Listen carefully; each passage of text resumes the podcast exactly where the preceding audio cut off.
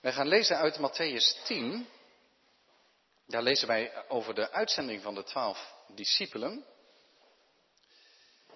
En maar wij lezen dan vanaf vers 16 en dan lezen wij door tot vers 33.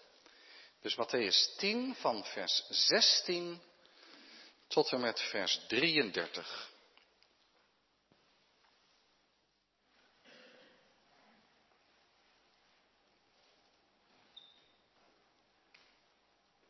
Beginnen te lezen in Matthäus 10, vers 16. Daar lezen we Gods woord als volgt. Zie, zegt de Heer Jezus, zie, ik zend u als schapen te midden van de wolven. Wees dus bedachtzaam als de slangen en oprecht als de duiven. Maar wees op uw hoede voor de mensen, want zij zullen u overleveren aan raadsvergaderingen en in hun synagogen zullen zij u geeselen. En u zult ook voor stadhouders en koningen geleid worden omwille van mij tot een getuigenis voor hen en de heidenen. Maar wanneer zij u overleveren, moet u niet bezorgd zijn hoe of wat u spreken moet, want het zal u op dat moment gegeven worden wat u spreken moet. Want u bent het niet die spreekt, maar de geest van uw vader die in u spreekt. De ene broer zal de andere broer overleveren om gedood te worden en de vader het kind en de kinderen zullen tegen de ouders opstaan en hen doden. En u zult door allen gehaat worden omwille van mijn naam. Maar wie volharden zal tot het einde, die zal zalig worden. Wanneer ze u in de ene stad vervolgen, vlucht dan naar de andere, want voorwaar ik zeg u, u zult uw rondgang door de steden van Israël niet geëindigd hebben, voordat de zoon des mensen gekomen is. De discipel staat niet boven de meester en de slaaf niet boven zijn heer. Het moet genoeg zijn voor de discipel dat hij wordt zoals zijn meester en dat de slaaf wordt zoals zijn heer. Als ze de heren van het huis bij Elzebul genoemd hebben, hoeveel te meer zijn huisgenoten. Wees dus niet bevreesd voor hen, want er is niets bedekt wat niet geopenbaard zal worden en er is niets verborgen wat niet bekend zal worden. Want ik, wat ik u zeg in het duister, zeg het in het licht. En wat u hoort in het oor, predik dat op de daken. En wees niet bevreesd voor hen die het lichaam doden en de ziel niet kunnen doden, maar wees veel eer bevreesd voor hem die zowel ziel als lichaam te gronden kan richten in de hel. Worden niet twee musjes voor een penninkje verkocht? En niet één van die zal op aarde vallen buiten uw vader om. En ook de haren van uw hoofd zijn alle geteld. Wees dus niet bevreesd. U gaat veel musjes te boven. Ieder dan die mij beleiden zal voor de mensen, die zal ik ook beleiden voor mijn Vader die in de hemelen is. Maar wie mij verloochenen zal voor de mensen, die zal ik ook verloochenen voor mijn Vader die in de hemelen is. Wij zingen in antwoord op de prediking uit Psalm 108 en daarvan de versen 1 en 2. Mijn hart, o hemel, majesteit, is tot uw dienst en lof bereid. En ook het tweede vers, ik zal, o Heer, uw wonderdaan, uw roem aan de volken doen verstaan. 1 en 2 van Psalm 108. Tekst voor de prediking is Matthäus 10 en daarvan het zestiende vers. Matthäus 10, vers 16. Zie, ik zend u als schapen te midden van de wolven. Wees dus bedachtzaam als de slangen en oprecht als de duiven. Matthäus 10, vers 16. Gemeente van onze Heer Jezus Christus, als je een beetje van geschiedenis houdt, misschien zijn het hier wel kinderen zijn die een beetje van kastelen en ridders houden bijvoorbeeld, dan weet je waarschijnlijk wel dat uh, vroeger er families waren, ridderfamilies die een eigen wapen hadden. Er zijn er zelfs tot op de dag van vandaag nogal families die dat leuk vinden om een soort eigen wapen te hebben. Niet een wapen om mee te vechten, maar zo'n plaatje met symbolen die dan kenmerkend zijn voor de plek waar je woont, of wat je uit wil stralen. Een van onze kinderen vond het leuk om tijdens de kerkdienst, als hij aan het tekenen was, nog wel eens een zo'n wapen te tekenen. Als je dat nou doet in deze dienst, dan kun je mooi de vier dieren erin zetten die in onze tekst staan. Waarom zo'n wapen? Ja, dat moest iets uitstralen van ja, wie het dacht te zijn. En uh, daar kwamen nog wel eens wat dieren in aan de orde, hè, in zo'n wapen. Een familiewapen bijvoorbeeld. Ik denk veel adelaars, dat is niet zo vreemd ook, want die stralen bepaalde kracht uit. Hè. En leeuwen. Want er moet gevochten worden, zeker in de tijd vroeger. Je moest je bezit verdedigen enzovoort. En je wapen kon dan al een beetje laten zien of je dat wel niet wilde aanpakken. Moest gewonnen worden. En als we een beetje kracht willen uitstralen, dan halen we er graag een dier bij. Hè? Als er gevoetbald moet worden als Nederland, dan komt er een leeuw bij kijken die je dan niet in zijn hemdje moet laten staan. Een leeuw, dat straalt kracht uit. Daar kun je mee tevoorschijn komen. Wie mee wil tellen in deze wereld, die moet zich krachtig opstellen. Het is alweer een hele tijd geleden dat Thierry Baudet Ehm, het nieuws haalde omdat hij het christelijk geloof maar een geloof voor watjes vond, voor doetjes. Waar was de winnaarsmentaliteit? Dat je krachtig kon opstellen in deze wereld. Nee, dat christelijk geloof met vergeven, dat was toch eigenlijk maar een beetje zwak, zei hij. Hij had een punt. Hij koos alleen de verkeerde kant. Maar iets van zwakheid en het christelijk geloof passen wel bij elkaar. Als we nou als kerk een wapen zouden hebben, of een logo zou je kunnen zeggen. Er moet een logo gemaakt worden, want er moet iets op de gevel van het gebouw gezet worden. En er mag een dier bij komen kijken. Nou ja, wie zou er nou vroeger als ridder nou een schaap in zijn wapen zetten? Die wapens kun je echt niet vinden. Waar een schaap tevoorschijn komt. Waar een schaap, daar kan je de oorlog niet mee winnen. Een schaap is zo weerloos. Zo kwetsbaar. Maar een kerk die een kruis op zijn gevel zet, kan net zo goed een schaap in zijn logo zetten. Daar is niks vreemds aan, die passen goed bij elkaar. Want in een schaap is geen kracht, geen slimheid ook. Het kunnen best slimme dieren zijn, maar weet ik eigenlijk niet. Ze hebben het wel eens over een dom schaap. Moet je op de Veluwe ook niet zeggen, geloof ik. Maar je komt er als je de oorlog wil winnen niet zo ver mee. Eigenlijk geldt het voor het kruis ook. Het kruis is het teken van zwakheid, van ter dood gebracht worden, van niks meer in te brengen hebben. Een weg van lijden. Je komt er niet ver mee, zou je kunnen zeggen. Van de Heer Jezus lezen wij dat hij als een schaap ter slachting is geleid. Lees het maar na in Jezaja 53, waar al zo rijk wordt geprofeteerd over de Heer Jezus Christus. Die als een schaap ter slachting geleid was. Stemmeloos voor zijn scheerders. Het schaap geeft zich totaal over. Zo heeft de Heer Jezus zich weggegeven in totale kwetsbaarheid. Ze mochten alles met hem doen wat ze maar wilden. Hij sprak het niet tegen, hij kwam niet op voor zichzelf. Hij was als een schaap.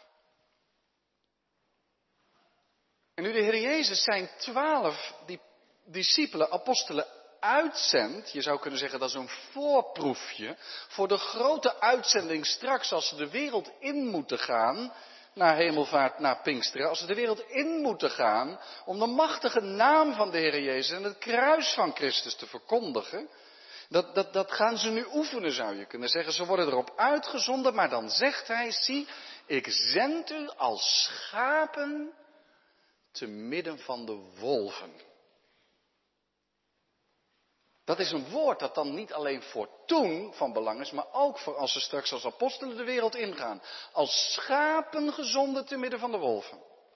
En dat gaat door tot op de dag van vandaag. Want ook wij hebben nog iets te maken met die opdracht. Ga heen, onderwijs alle volken, doop hen in de naam van de Vader, de Zoon en de Heilige Geest.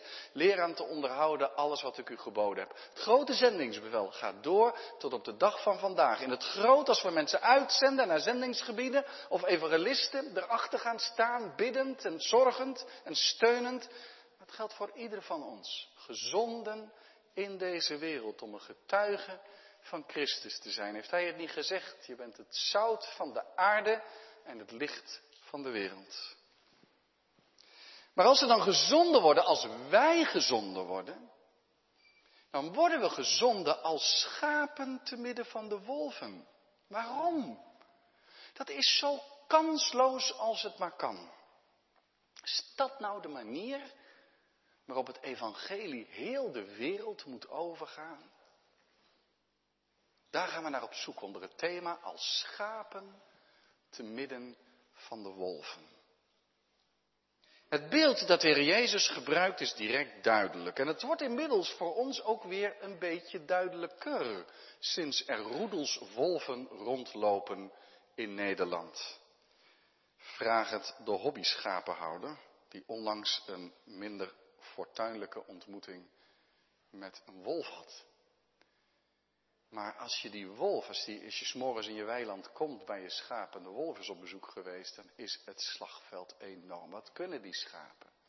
Is het nog een eerlijke wedstrijd? Het is totaal oneerlijk. Ze kunnen zich niet eens verweren. Zie je het plaatje voor je, jongens en meisjes?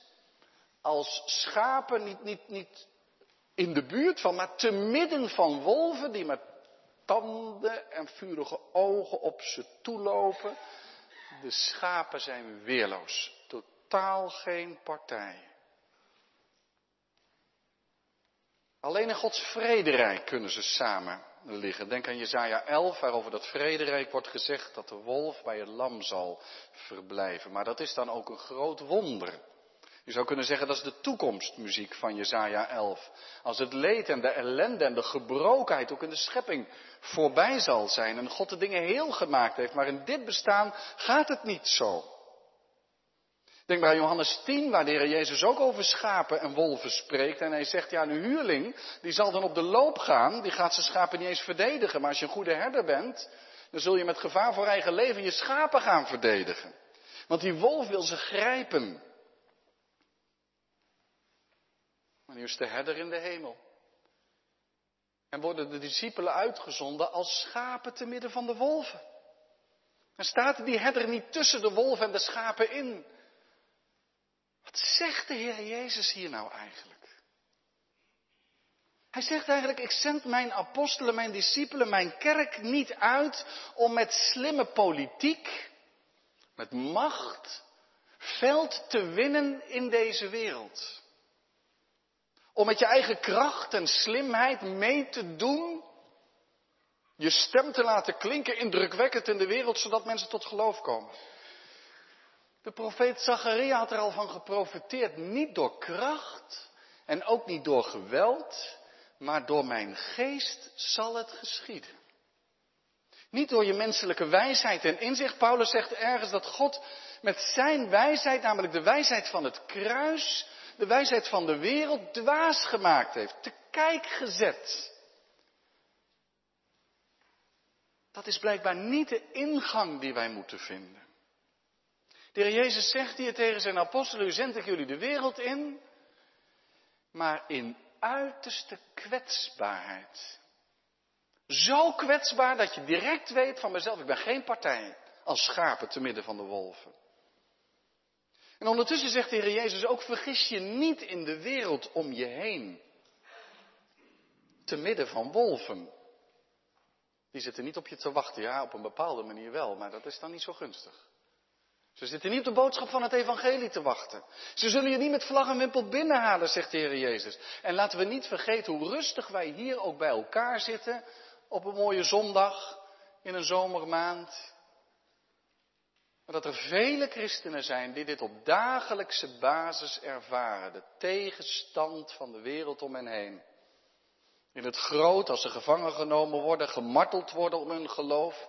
Of iets kleiner, als ze haat en veroordeling ervaren en spot en hoon. En eigenlijk dat kader zie je ook in de rest van dit Bijbelgedeelte dat erop volgt. Want als je nou vraagt, oké, dan worden ze erop En waar gaan ze dan spreken over de goedheid van de Heer en het evangelie van Christus bekendmaken? Is dat soms uh, op straat ergens of ergens in een theater of een schouwburg? Nee, in een rechtbank. zegt vers 17 en 18. Wees op uw hoede voor de mensen, want zij zullen u overleveren aan raadsvergaderingen. En in uw synagogen zullen zij u geestelen. Je zult tegenstand ervaren van de Joden, synagogen. Je wordt uit de synagoge geworpen, gestraft in de raadsvergadering. Je zult processen aan je broek krijgen, om maar zo te zeggen.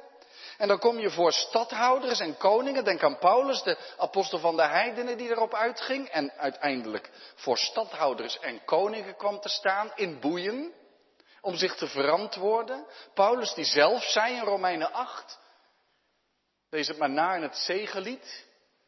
Wij worden elke dag, zijn we als slachtschapen, zo kwetsbaar. Paulus heeft de Heer Jezus hier denk ik heel goed begrepen. Als slachtschapen zijn wij. En in Christus zijn we meer dan overwinnaars. En inderdaad, het evangelie heeft voet aan de grond gekregen door Gods kracht. Maar dan wel op deze manier, dat ze gezonden waren als schapen te midden van de wolven. Ik heb me afgevraagd, waarom nou toch? Waarom nou zo? Waarom zal hun uitzending op zoveel weerstand stuiten?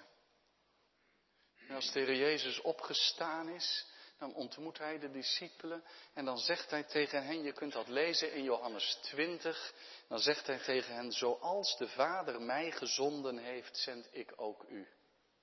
Dat is een heel belangrijk zinnetje als het gaat om de zending van de kerk en ook de zending van de gelovigen, de roeping van de gelovigen in deze wereld. Zoals de Vader mij gezonden heeft. Zoals ik mijn werk moest doen, zo moeten jullie je werk doen. Bid je er wel eens om dat je mag lijken op de Heer Jezus Christus? Dan bid je er ook om dat je mag zijn als een schaap te midden van de wolven. En als je nu kijkt naar de Heer Jezus, dan zie je dat Hij als een lam ter slachting werd geleid. Als een schaap te midden van de wolven was. En dat de manier waarop Hij het evangelie midden neerlegt in deze wereld niet een, een, een hele deftige en een indrukwekkende manier was. En een, een stoere manier en een sterke manier was. Maar in alle zwakheid.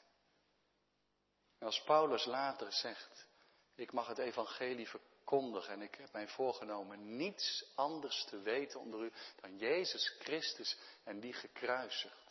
Dan moet je goed realiseren, en dat heeft Paulus zich ook gedaan, dat je die boodschap van het kruis niet anders kan verkondigen dan in de gestalte van het kruis. Zo niet zo makkelijk als ik dat zo zeg. Maar Paulus heeft dat zich heel diep beseft als hij zelfs tegengeluiden kreeg vanuit Korinthe bijvoorbeeld. Die zeiden mag het iets meer met kracht, mag het iets meer met, mag het wat flitsender, mag het iets meer bravoer zijn, mag het iets meer uh, overtuigingskracht zijn. En Paulus zegt nee, in die richting wil ik het niet zoeken. Ik wil het niet, niet zoeken in menselijke woorden van wijsheid. Maar ik wil dat dat, dat de kracht van God openbaar komt. En daarom schrijft hij, hebben we het evangelie in aarden, potten, kruiken, breekbaar, opdat de kracht van God zijn. Dat is eigenlijk wat de Heer Jezus hier ook zegt.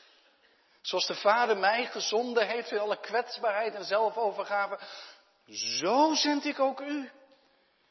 En dan zal een dienaar ook niet meer zijn dan de meester, toch? Want zijn boodschap stuitte op weerstand. Ja, hij is gelukkig met open armen ontvangen, maar dat zegt er niet altijd wat. Hij gaat Jeruzalem binnen en ze juichen voor hem en een week later roepen ze dat hij aan het kruis moet.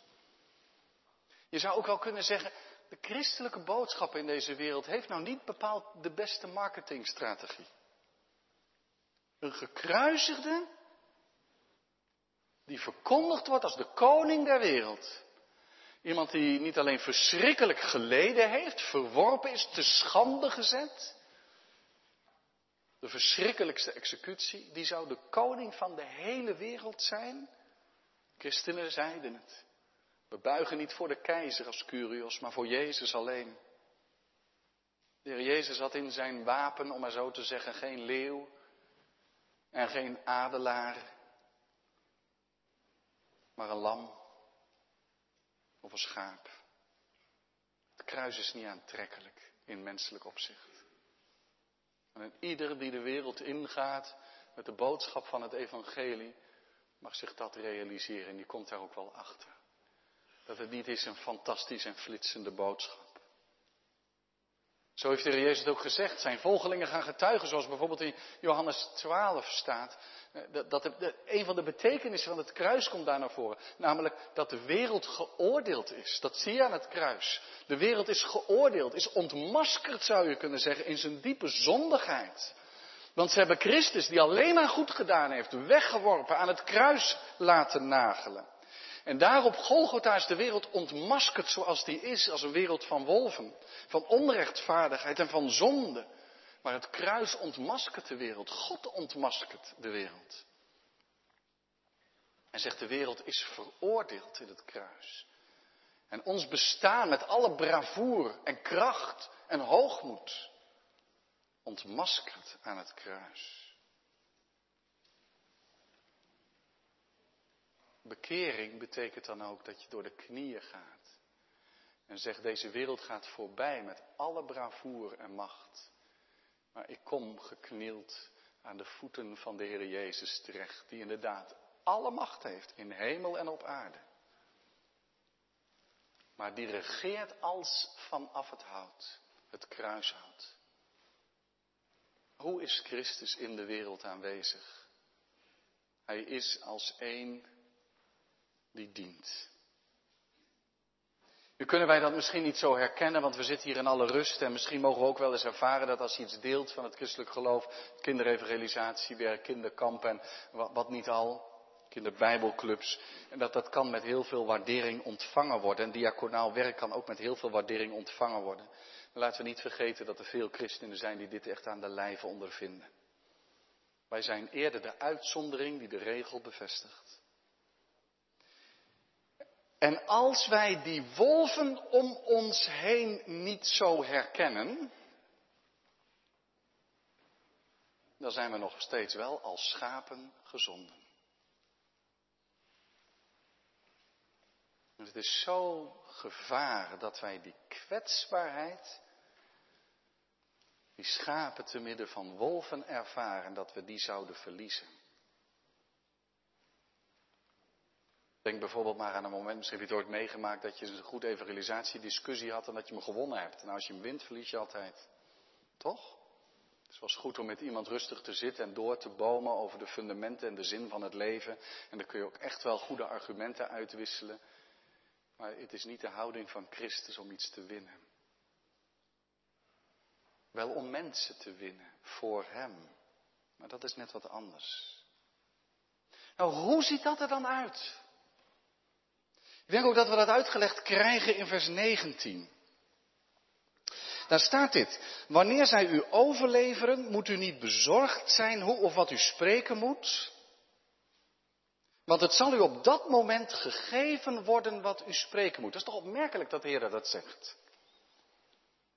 Moet je dan niet van tevoren goed nadenken, zodat je het overtuigend kan klinken, dat ze tot bekering komen. Het is toch een kans als je, nou net als Paulus die voor Felix en voor Festus staat. Dat hij zegt, mag ik wat papier en pen alsjeblieft? En dat hij hele velletjes vol schrijft, ik heb maar tien minuten, dus al die gedachten ordenen, dan ga ik een goede pitch houden. Als ik straks, eh, als Agrippa mij misschien wel, wel zegt van, nou leg maar eens uit eh, waar je dan allemaal voor staat. Dan moet je toch goed beslagen ten ijs komen. Dan moet je het voorbereid hebben. Nee, zegt de Heer Jezus, helemaal niet. Dat moet je juist niet doen. Denk ook in de vroege kerk. Tertullianus heeft dus gezegd, het bloed van de martelaar is een zaad. Terwijl er christenen sterven voor hun geloof, gaat daar een krachtige getuigenis vooruit die anderen aan het denken zet. En zo gaat het verder. Door het getuigenis, het eenvoudige getuigenis van, ik kan mijn meester niet opgeven, ik blijf hem dienen. En of dat nou met handige woorden is, meestal niet, maar met hele pure woorden en hele eenvoudige woorden, het maakte indruk. Waarom wilden ze liever sterven dan Jezus verloochenen?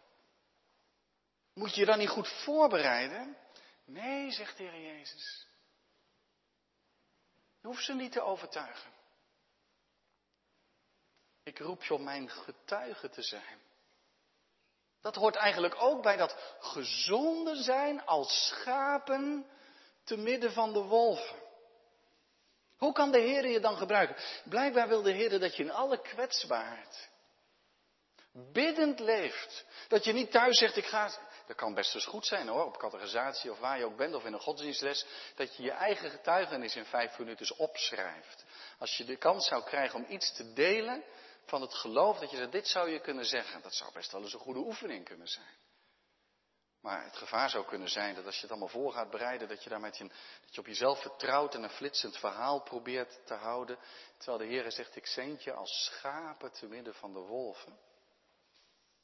En dan zul je van de geest van de Vader de woorden krijgen. Je kunt beter kwetsbaar, afhankelijk, met een hart vol van de Heer Jezus gelegenheden gebruiken om iets te delen van het evangelie. En dat je zegt, nou als ik een kans krijg, dan spring ik mijn volle gewicht op met alles wat ik voorbereid heb. En dat je dan zonder angst, te midden van die wolven,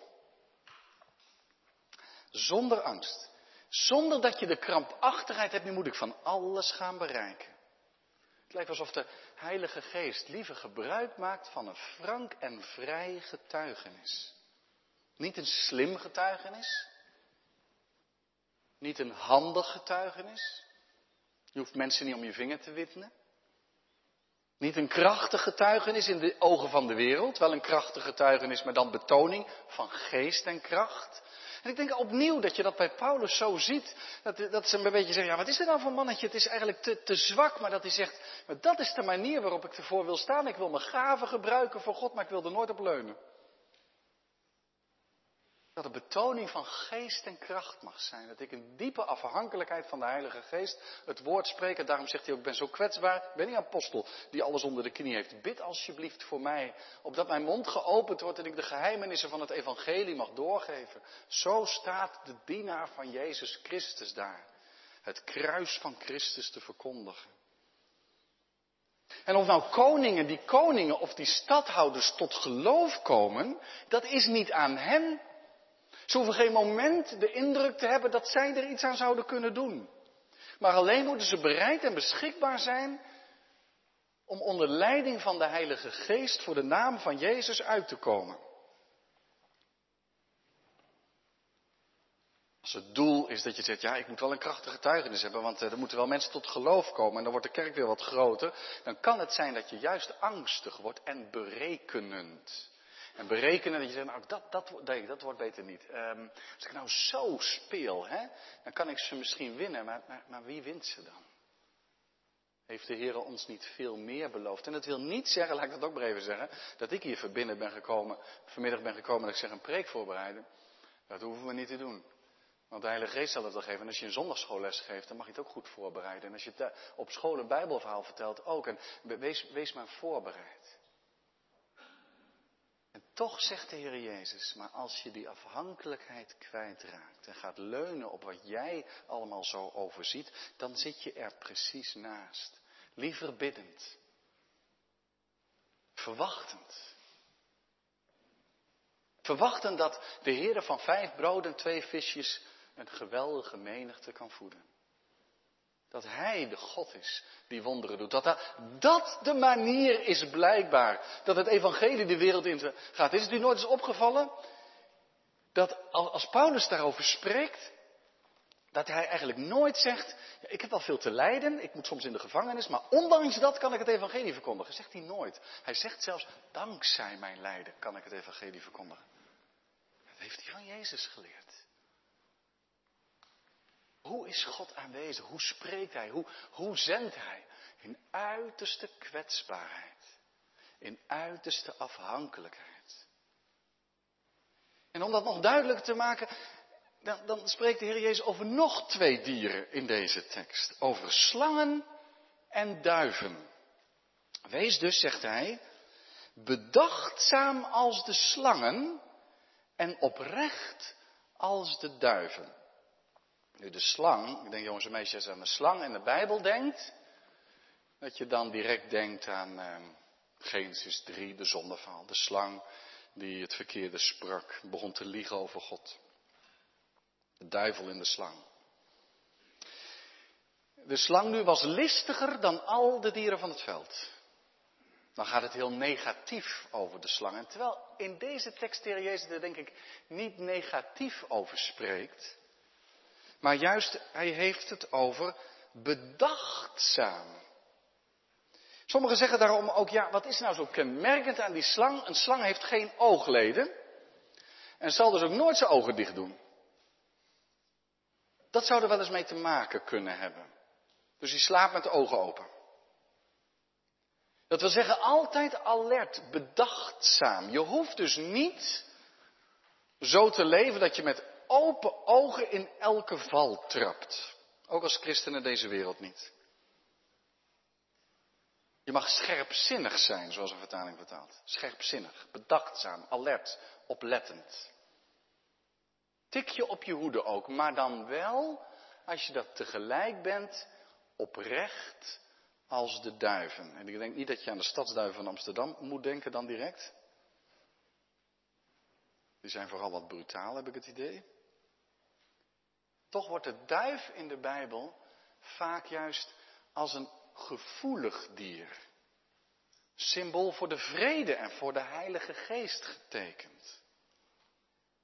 Oprecht, eerlijk, zuiver en misschien zelfs een tikkeltje naïef. Ongedwongen, dat wil zeggen wel alert zoals die slang, maar niet achterdochtig.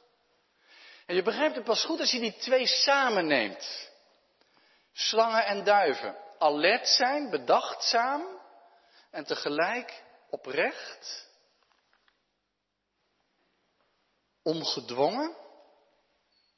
Je zou kunnen zeggen, de gezonde kerk, ook vandaag nog, moet verstandig zijn en argeloos tegelijk. Bijzondere tekst, hè? Ook ons wat te zeggen. Kijk maar mee, het gaat niet alleen voor de vervolgde kerk. Dat je zegt, nou, dat is een gedeelte, dat, die pakken we nog wel eens bij hoor, als we voor stadhouders staan. Nee, want wat tegen Jezus in vers 32 en 33 zegt, dat geldt toch ook voor ons. En ieder die mij beleiden zal voor de mensen, die zal ik ook beleiden voor mijn Vader in de hemel. Maar wie wij verlogenen zal voor de mensen, echt ontkennen dat je bij Jezus hoort in woorden of leven, die zal ik ook verlogenen voor mijn Vader die in de hemelen is. Wij zijn ook gezonden om voor zijn naam uit te komen in hoe we leven en wat we spreken. Je mag hem beleiden als jouw Heer in deze wereld. En ook als we niet voor de rechtbank komen, dan geldt nog steeds die belofte dat de Heilige Geest ons zal leiden in wat we spreken moeten. En soms mag je strategisch nadenken. Ik vind dat zelf ook nog wel eens een spanningsveld. Maar ik mag hopen dat de gemeente dat ook doet, de kerkraad en misschien alle die verder betrokken zijn. Hoe kunnen wij het evangelie doorgeven aan anderen? Daar kun je een plan op maken.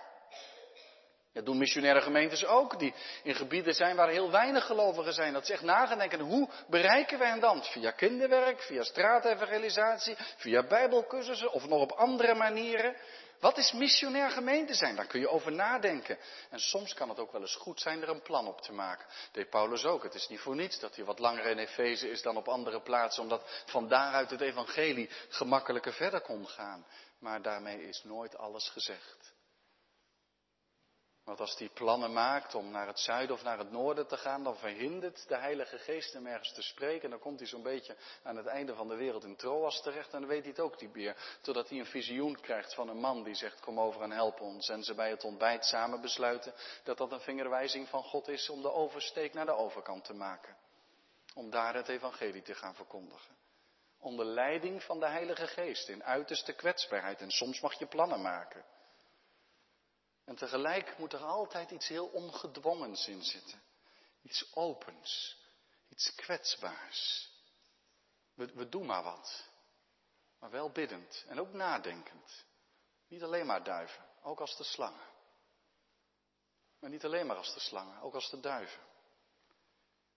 Dan mag je ongedwongen barmhartigheid bewijzen.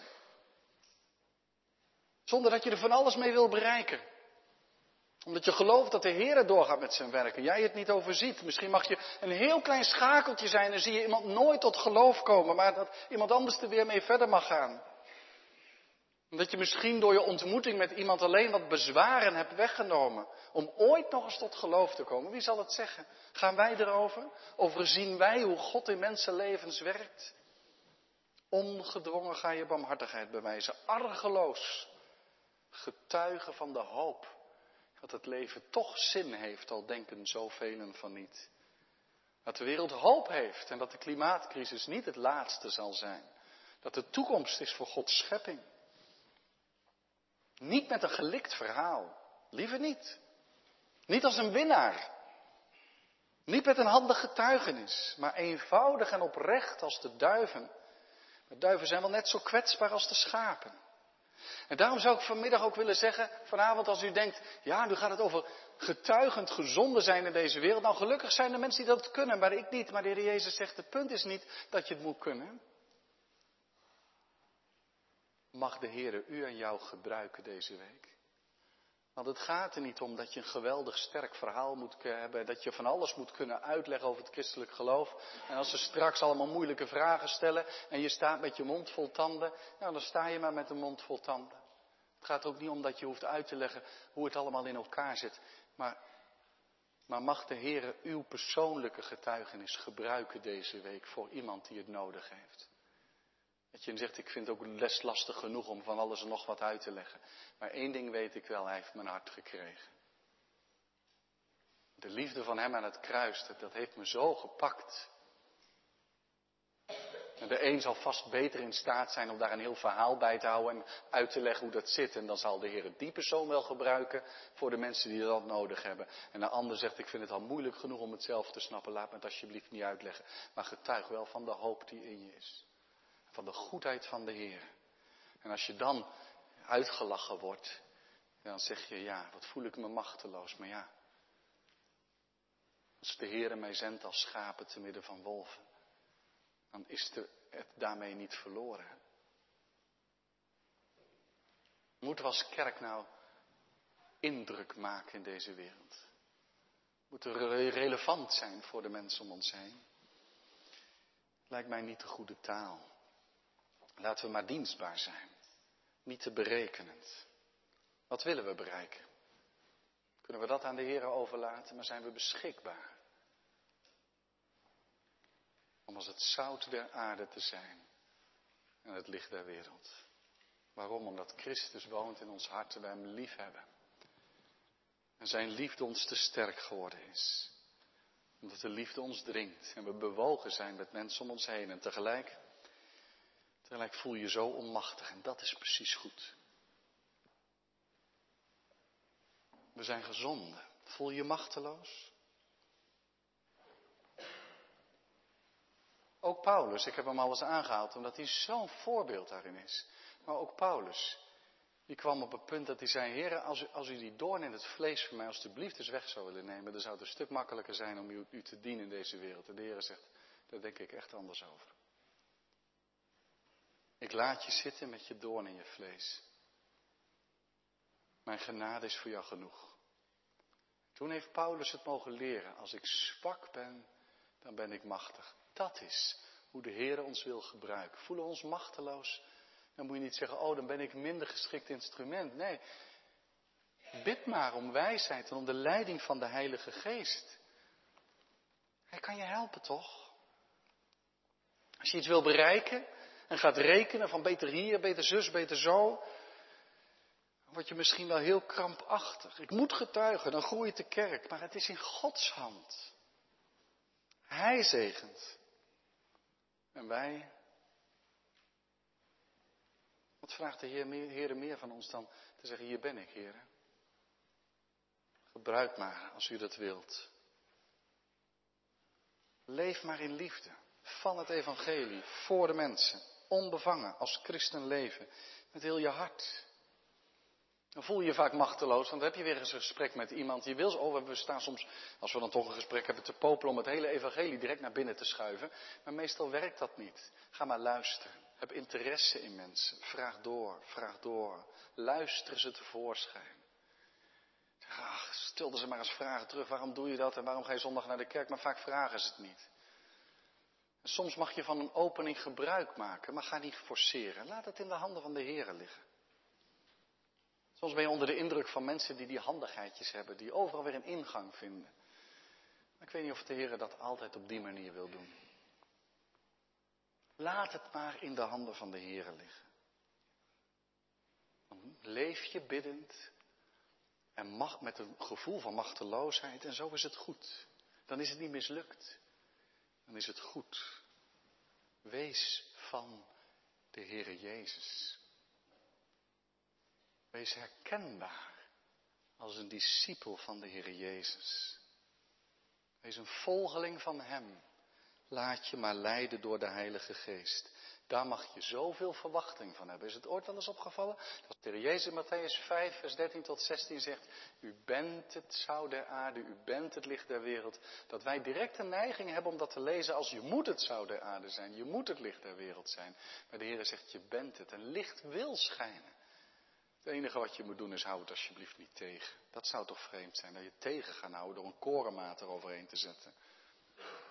Laat uw licht zo schijnen voor de mensen dat zij uw goede werken zien en de Vader die in de hemelen is, verheerlijken. De Heilige Geest geeft het. Niet alleen voor de rechtbank, ook aan de werkbank. Niet alleen op straat, maar ook gewoon op je werk bij de koffieautomaat. Ook dan. Het gaat er niet om dat wij in onze wijsheid mensen hoeven te overtuigen. De Heer zegt, zie, als schapen te midden van de wolven. Zo zul je op mij lijken, op een kruisdragende Christus. En zo zal de Heer door de kracht van zijn Heilige Geest werken. Het was nou niet bepaald een aansprekende boodschap die toen de wereld inging door die twaalf apostelen en door Paulus. Boodschap kwetsbaar voor hoon en spot. De gekruisigde is koning. Maar kijk eens wat er gebeurd is. De Heilige Geest. Moesten ze daarom niet wachten totdat de Heilige Geest uitgestort was, om dan in de kracht van de Heilige Geest te gaan? En toen is een beweging ingezet, zo krachtig, die tot op de dag van vandaag doorgaat, tot hier in deze dienst aan toe. De Geest werkt nog. Daar zijn wij hier een van de bewijzen van. De geest werkt nog. Nou, daar mogen we het van verwachten. Ga dan maar straks als u uitgezonden wordt naar de zegen in de wereld. Ga dan maar als schapen te midden van de wolven. Maar wees niet bang. Want de Heer is met u. We hebben een goede herder die over ons waakt. Maar de Heilige Geest is uitgestort. Die zal in alle waarheid leiden. Maar die zal ons op het moment dat het nodig is ook de woorden geven. Amen.